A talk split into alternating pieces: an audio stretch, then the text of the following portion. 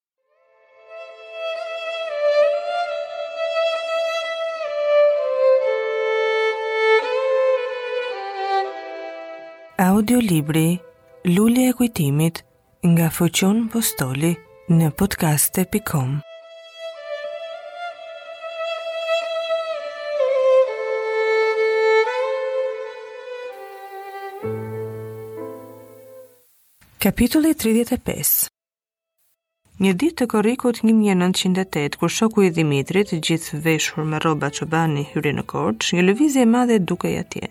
Tërë njerëzia të gëzuar po përqafonin njëri-tjetrin. Myslimanë e të krishterë përshëndosheshin dhe putheshin nëpër rrugët e Korçës, nëpër dyqane, nëpër kafene. I habitur shoku i Dhimitrit qëndronte kur një burrë u afrua, e zuri për dore, i shtrëngoi dorën dhe e puthi. Ç'ngjau? Ç'u bë? Ç'janë gjithë këto gëzime, pyeti çobani.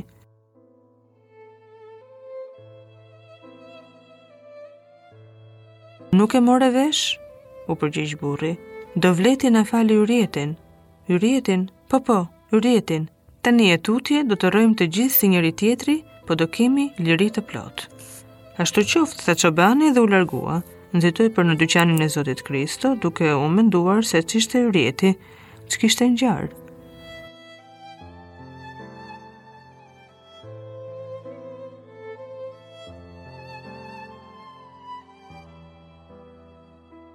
Në Stamboll lajme të zeza po vinin nga Shqipëria për qeverinë turke. Nuk mjaftonte çështja e koklavitur e Maqedonisë, po plasi dhe kryengritja në Shqipëri. Të vërtetën ia fshihnin Sultan Hamidit, Po më në fund ai e mori vesh dhe thirri në pallatin e tij Jildiz Qoshk vezirin. E pyeti atë për gjendjen e perandorisë, e pyeti për çështjen e Maqedonisë, po më në fund e pyeti me zë të dredhur, a është e vërtetë se shqiptarët janë ngritur kundra tij. Kokulur veziri i tregoi të vërtetën, i tregoi se në malet e Shqipërisë është ngritur flamuri shqiptar dhe Shqipëria kërkon vetëqeverimin e saj. u drodh sultani kur dëgjoi ato. Shikonte humbjen e fuqisë turke në tokën europiane dhe duke fërkuar duart, tha me zë të ulët. Humbëm. Me çape të nxituara, rrotullonte sallën e gjërë të pallatit, duke fërkuar mjekrën me duar dhe mendohej. Veziri qëndronte më këmbë i nemitur, nuk guxonte jo të fliste, por dhe frymën me hundë e merrte që mos të prishej mendimi i sultanit. Më në fund, Hamidi qëndroi dhe preu heshtjen. Ç'duhet bërë, i tha vezirit. Madhëri, u përgjigj veziri, të marrim masat e duhura që ta mbysim kryengritjen. Do të ndizet flaka më tepër, thirri me dëshpërim sultani, se ne e dimë ç'luanë janë shqiptarët. Nuk do jemi të zotërit kurrë t'i mposhtim me armë dhe kështu do të shfaqet fuqia jonë në kombet e vegjël të Ballkanit. Po madhëri, keni ndonjë plan? E pyeti veziri me zë të ulutur. Kërkon plan nga mua? Thirri sultani me zemërim. Po ju përse ju kam vezir? Ju kam dhënë fuqinë të rregulloni punërat e dovletit. Duhet pra ju të gjeni ndonjë mënyrë, jo me armë, por me të butë, të paqësoni Shqipërinë.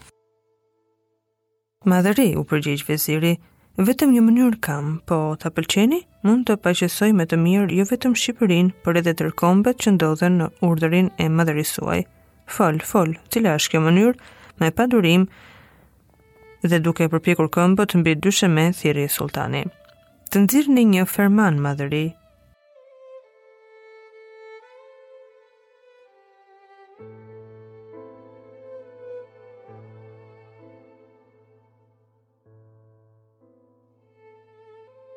ku të çpallni hyrjetin, domethënë tërë kombet që ndodhen nën fronin e madhërisë suaj, të kenë liri dhe fuqi si njëri tjetri dhe nëpër shkolla të mësojnë gjuhën e tyre bashkë me turqishten. Kjo është e vetme mënyrë paqësore, tërë kryengritjet do të shuhen. Tërë fuqitë e mëdha të Europës do të lëvdojnë vendimin e madhërisë suaj dhe tërë kombet nën hijen e madhërisë suaj do të bëhen besnikë dhe të bindur. Të lumtë, i tha sultani vezirit duke fërkuar duart e tij. Hoqi një nishan nga gjoksi dhe ia ngjiti vezirit duke thënë, jam i lumtur që të kam vezir besnik dhe të shkathët, shkruaje tani fermanin. Viziri duke u ulur puthi çipin e rrobës së sultanit si shenjë mirënjohje dhe falënderimi. Mori pendën dhe shkruajti fermanin si e mbaroi ai. Mori pendën dhe shkruajti fermanin si e mbaroi, ia këndoi sultanit, i cili e pëlqeu dhe vulosi me vulën e tij. Viziri duke mbajtur në dorë fermanin dhe vulën e sultanit doli nga pallati. Nga kuajt për në portën e naltës, urdhëroi arabaxhinë. Trupëruajtësit e vezirit të hipur në kuajt e tyre u sulën të hapnin udhë. Kamxhiku i arabaxhiut vërshëlleu mbi kuajt dhe ata si vetëtima u rrëzuan në Ildiz Qoshku në udhën e gjatë për në urën që ndan Galatën me Stambollin. Duke shkumbëzuar, kuajt arritën në urë të cilën e kapërcyen dhe përpjetë Sirqexhisë qëndruan në portën e naltë. Dera e landonit u hap dhe përnjëherësh veziri zbriti nga landoni me nxitim, po me fytyrë të çelur. Me fermanin e sultanit hyri në këshillin e ministrave. Aty u tha ministrave për vendimin e dovletit duke treguar fermanin. Ata e pëlqyen dhe e pranuan me një zë. Kështu ministri i punëve të brendshme